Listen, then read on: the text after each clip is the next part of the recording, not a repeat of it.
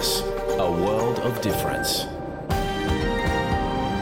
You're with SBS Serbian on mobile, online and on radio. Vi ste uz SBS na srpskom, na mobilnom, na internetu i na radiju. SBS odaje priznanje tradicionalnim vlasnicima zemlje sa koje danas emitujemo program na srpskom. Ovim izražavamo poštovanje prema narodu Vurenđer i Vojvurung, pripadnicima nacije Kulin i njihovim prošlim i sadašnjim starešinama. Također odajemo priznanje tradicionalnim vlasnicima zemlje iz svih aboriđinskih naroda i naroda sa ostrava Istoresovog Moreuza, sa čije zemlje slušate program. Dobar dan, danas je utorak 23. januar 2024. Ja sam Biljana Ristić. U današnjem programu posle pregleda vesti opširan sportski izveštaj, zatim ćemo govoriti o novom istraživanju koji pokazuje da samo 47 australijanaca drži većinu bogatstva u svojim rukama. Iz Srbije se javljaju Mija Nikolić i Hranislav Nikolić, a nova terapija za pacijente sa uznapredovanim melanomom biće uvrštena u program farmaceutskih beneficija, o čemu ćemo reći u okviru zdravstvene teme danas. Ostanite sa nama do 16 časova, sledi pregled vesti.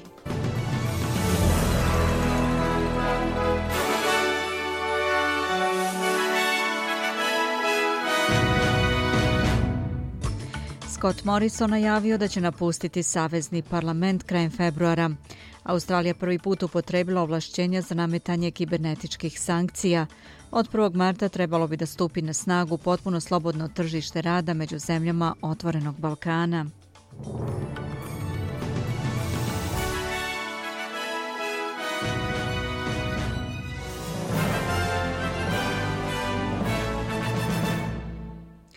Bivši premijer Scott Morrison najavio je da će napustiti Savezni parlament krajem februara.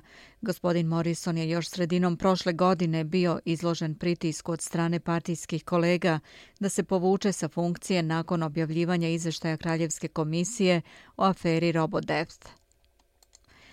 Postoje izveštaj da vlada razmatra modifikovanje planiranog smanjenja poreza u trećoj fazi, a taj zakon će biti stavljen pre federalnu vladu danas. Smanjenje poreza trebalo bi da stupi na snagu od 1. jula i predloženo je da se stvori jedinstveni porezki razred za radnike koji zarađuju između 45 i 200.000 dolara godišnje. Mediji u okviru kanala 9 izveštavaju da bi novi plan koji će vlada danas dobiti na uvid i raspravu trebalo da smanji najviši porezni razred na 180.000 sa 200.000 dolara. Promena bi značila da bi ljudi koji zarađuju preko 200.000 dobili smanjenje poreza od 6.075 dolara umjesto 9.075 dolara, dok bi neko sa 90.000 dolara dobio oko 1.400 umjesto 1.125 dolara. Ali opozicioni blagajnik Angus Taylor rekao je za program Sunrise da promene neće mnogo uticati na one sa nižim primanjima. Ono što ja želim je niža inflacija i vraćanje na osnove. Uradite isprave razumne stvari u ekonomiji koje su rađene tokom 70. i 80. da bismo se rešili inflacije kao i tada. Znamo formulu, jednostavno je povratak na osnove ekonomije, a to nije ono što rade laburisti, oni su haotični, oni su podeljeni, jasno je da postoje razlike u gledištima, vuku sve nazad. Mogli smo sve ovo da uradimo prošle godine, jasno je da imamo rastrojenog premijera, kaže Angus Taylor. Australija je prvi put upotrebila ovlašćenja za nametanje kibernetičkih sankcija prema Rusu koji je umešan u hakovanje mreže kompanije za zdravstveno osiguranje Medibank Private u oktobru 2022. Podaci najmanje 9,7 miliona klijenata kompanije Medibank Private su kompromitovani i objavljeni na mračnom webu tokom tog kibernetičkog napada, uključujući imena, datume rođenja i brojeve telefona. Vlada je sada imenovala ruskog državljanina Aleksandra Emrakova zbog njegove uloge u tom napadu i proglasila je krivičnim delom razmenu dobara sa njim, uključujući upotrebu kriptovalute. Za svako kršenje sankcija predviđena je kazna do 10 godina zatvora. Ministarka za kibernetičku bezbednost Claire O'Neill kaže da je ovo istorijski dan nazivajući hakovanje Medibank Private mreže jednim od najrazornijih kibernetičkih napada koji je Australija doživela. We all went through it, literally millions of people having personal data about themselves, about Svi smo prošli kroz to, bukvalno milioni ljudi kojima su njihovi lični podaci i podaci članova porodica ukradeni i surovo postavljeni na internet da ih drugi vide. Mislim da nam je to pomoglo da shvatimo koliko ogromnu cenu ovaj problem ima za sve nas australijance ako se ne uhvatimo u koštac sa ovim izazovom. To nam je također pokazalo nešto o kalibru ljudi sa kojima imamo posla u pogledu ovog problema na drugoj strani. Ovi ljudi su kukavice i džubrad, rekla je ona. Izrael je predložio Hamasu pauzu u borbama u pojasu Gaze do dva meseca kao deo višefaznog sporazuma koji bi uključivao oslobađanje svih talaca u enklavi, javio američki portal Axios, pozivajući se na dvojicu izraelskih zvaničnika. Međutim, zvaničnici napominju da se u predlogu jasno navodi da Izrael neće pristati na prekid rata, niti će pustiti svih 6000 palestinskih zatvorenika iz izraelskih zatvora, ali da je Tel Aviv spreman da pusti značajan broj zatvorenika ako Hamas pristane na sporazum. U Australiji federalna vlada je najavila dalje sankcije izlistanim terorističkim organizacijama koje su povezane sa Hamasom i drugim grupama, rekavši da su te sankcije u skladu sa onima koje su nametnuli saveznici poput Sjedinjenih država i Evropske unije. Ministarka inostranih poslova Penny Wong rekla je da su sankcije primenjene na tri entiteta i 12 osoba koje su povezane sa Hamasom, Hezbolahom i palestinskim islamskim džihadom. Prema sankcijama ljudi koji daju novac navedenim pojedincima ili grupama kao i da se bave njima ili njihovim imovinom mogu se suočiti sa 10 godina zatvora i značajnim novčanim kaznama. Senatorka Wong također kaže da je njeno nedavno putovanje na Bliski istok potvrdilo podršku vlade rešenju koje bi podrazumevalo dve države, Izrael i Palestinu, a na pitanje novinara o odbijanju izraelskog premijera da prihvati rešenje koje bi podrazumevalo palestinsku državu, ona kaže. Any pathway to peace uh, requires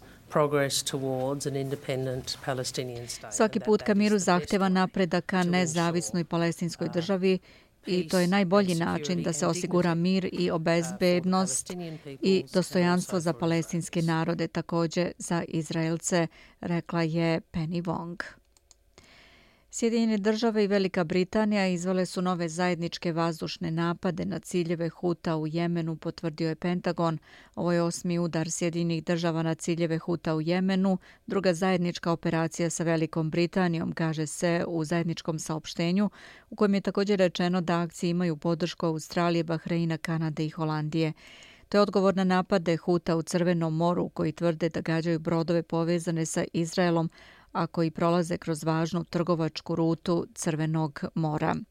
Slušate SBS na srpskom pregled vesti, 15 časova, 8 i po minuta je.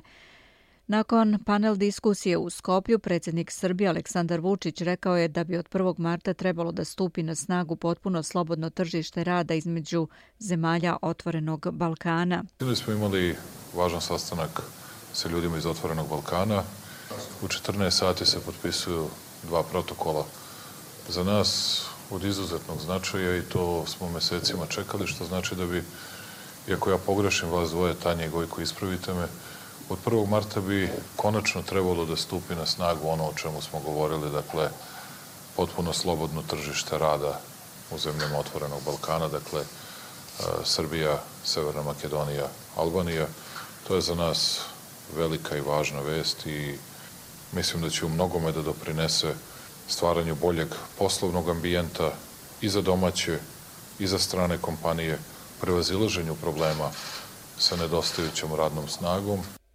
Prva sredstva iz plana za raz Zapadnog Balkana mogli bismo da dobijemo u maju ili junu, rekao je predsjednik Vučić i izrazio nadu da će nova vlada Srbije biti formirana do 15. marta. Važno da parlament a, izabere vladu što se nas tiče najkasnije do, kažem, bilo bi dobro, nije to ustavni okvir, do 15. marta, da probamo do kraja marta da izglasamo važne zakone, da bismo u aprilu mogli oni da donesu u Evropi određene odluke, tako da bi ta prvo, to prvo raspoređivanje manjih suma novca moglo da bude već u maju ili početkom juna, dakle pre njihovih, pre njihovih izbora koji se održavaju u prvoj nedelji juna, ako se ne voram.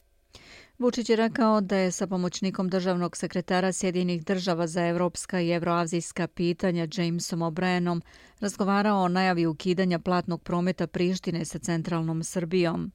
Sinoć posle tog sastanka lidera Otvorenog Balkana imali smo susreti sa Jimom O'Brienom, dakle američkim predstavnikom za mnogo šire nego što je Zapadni Balkan, ali za nas je važno da je i za nas zadužen. Zatim smo imali večeru na kojoj su pristovali svi, bile, bile su i Kurti i Rama, bilo je još predstavnik Albanaca iz Severne Makedonije, Ali Ahmeti i četvore ukupno Albanaca bilo, bilo je, bili su Kovačovski i Pendarovski kao domaćini, naravno, i bili su obrajani Kopmani i mi.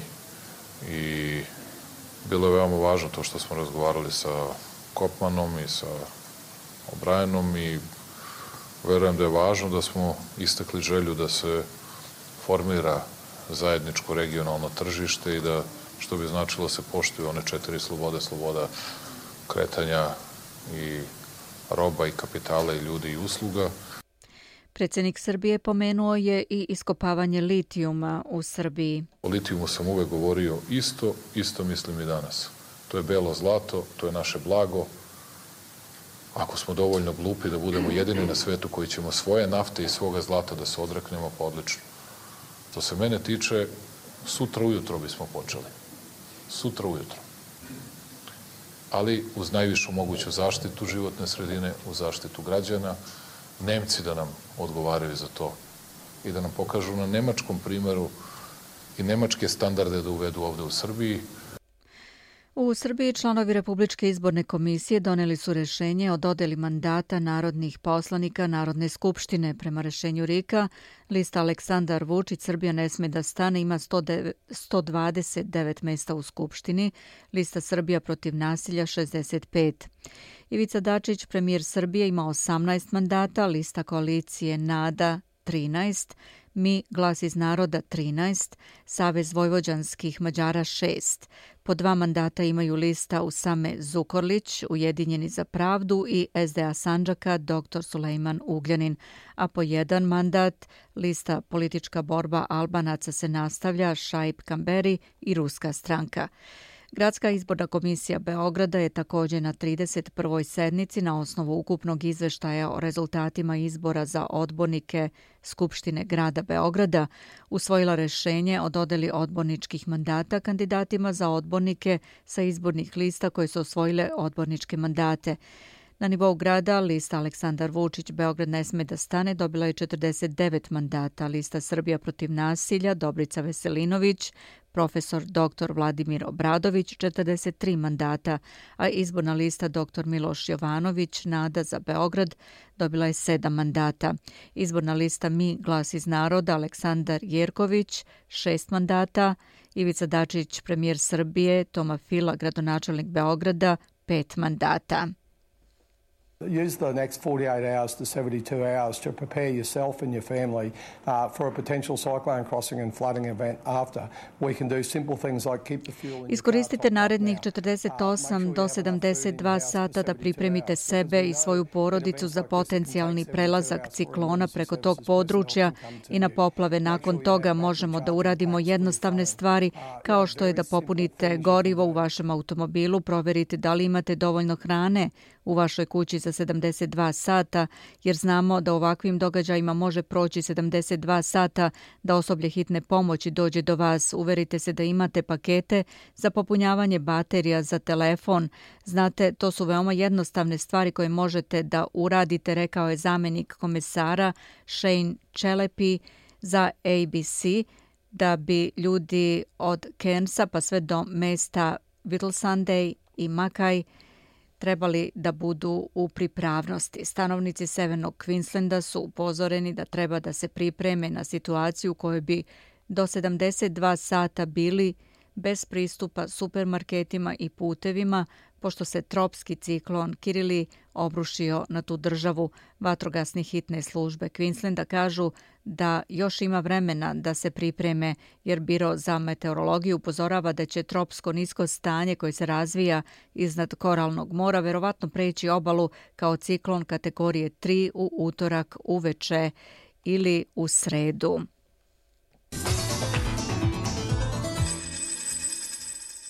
Da pogledamo i kolika je vrednost australijskog dolara danas.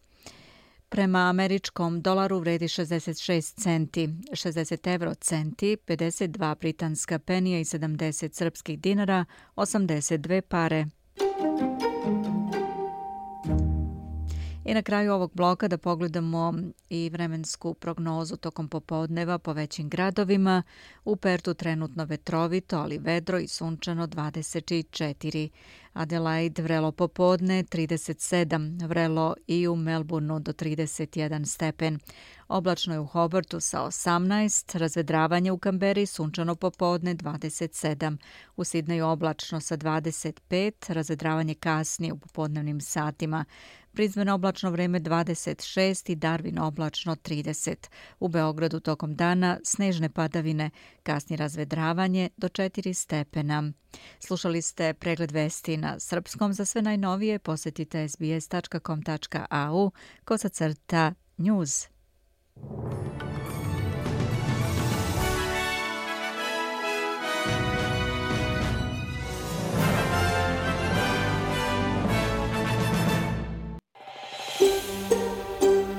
Želite da čujete još priča poput ove?